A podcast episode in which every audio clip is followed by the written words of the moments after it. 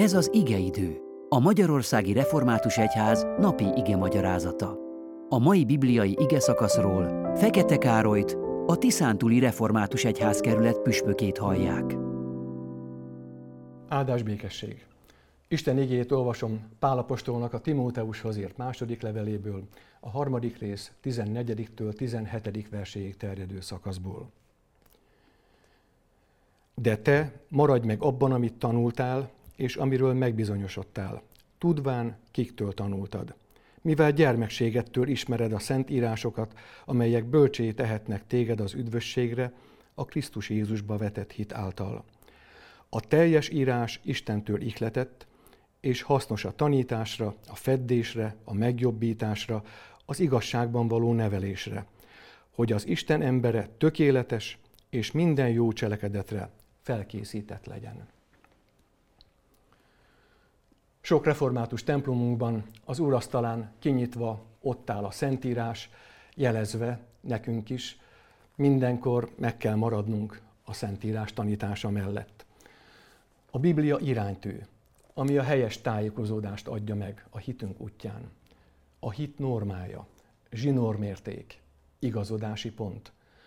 A Biblia a mindent meghatározó és semmivel felül nem múlható mérték, hitünk képzeletvilága számára. Benne Isten szava szólal meg az ember üdvösséges javára. A Szentírás Isten kijelentésének tanúja, hiteles forrása, amely az üdvösség útjára vezeti az élete ösvényein vándorló embert. Pálapostól nem véletlenül figyelmezteti tanítványát, Timóteust, de te maradj meg abban, amit tanultál, és amiről megbizonyosodtál. Ne feledd a szent írásokat, amelyek az üdvösségre vezetnek a Krisztus Jézusba vetett hit által. Vagyis azt mondja, maradj meg a hitben, maradj meg a szentírás tanításánál. Szent dac szólal meg ebben a felhívásban. Ne engedd magad megvezetni és becsapni. Ne engedd magad elbizonytalanítani. Ismerd fel Isten üzenetének az értékét. Isten igéje mozgásba akar hozni, mert a Szentírás az Isten lelkétől megelevenített, és ma is megelevenítő hatású tud lenni. Maradj ige közelben, hogy fejlődj, hogy meg és ne maradj le. Ezért engedd, hogy Isten igéje formáljon és alakítson. Mivel az ige Istentől ihletett, ezért van esélyünk erre a megváltozásra és erre az átalakulásra, mert az ige megelevenít és jobb belátásra bír. Ez az inspiráció az ihletettség csodája, ami mindig mozdít, elindít, beindítja a cselekvést is. A Biblia akkor bizonyul élőkönyvnek, hogyha önmaga lehet.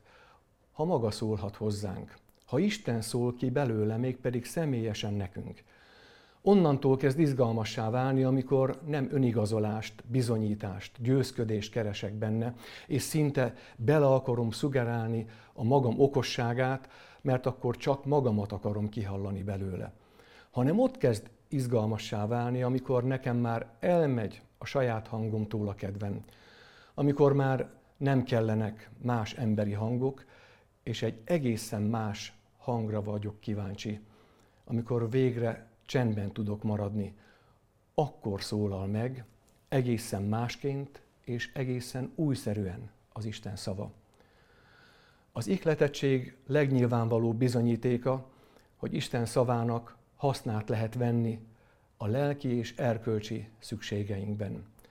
A teljes írás hasznos a tanításra, a feddésre, a megjobbításra, az igazságban való nevelésre.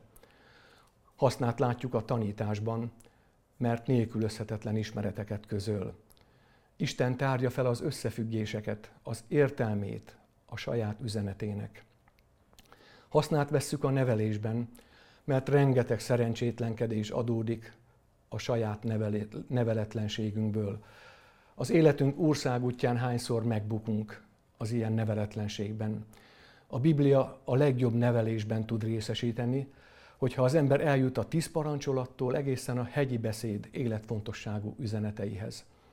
A Szentírás Isten kijelentésének tanúja, hiteles forrása, amely az üdvösség útjára vezeti az élete ösvényén vándorló embert.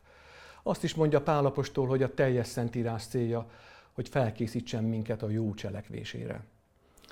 Kedves testvérek, félelmetes egy nyomozati anyagot megismerni abból a szempontból, hogy milyen körültekintően készül a gonosz tett. Az ötlet kialakításától, a körülmények és a helyszín felderítésén át, az eszközökre találásig és az időzítés megkomponálásától a végrehajtásig, a kitervelésig. Micsoda precíz, átgondolt dolog, amit a gonosz indulat elindít. Így jelenik meg a gonosz dolgokban a gondosság. Amikor viszont nekünk kellene jót tenni, akkor sokszor olyan váratlanul ér bennünket, készületlenül, hirtelen jön, és olyan tétovák tudunk lenni a jó megcselekvésében, a helyes tett kivitelezésében. Az Istentől ihletett írás képes arra, hogy táplálja a szeretetünk leleményességét. Képes arra, hogy a jót jól és jókor cselekedjük engedjük, hogy iklessen ma is bennünket, mozgásba lendítsen, és indítson el az üdvösség útján.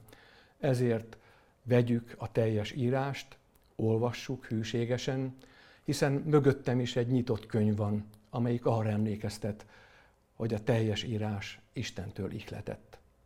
Amen.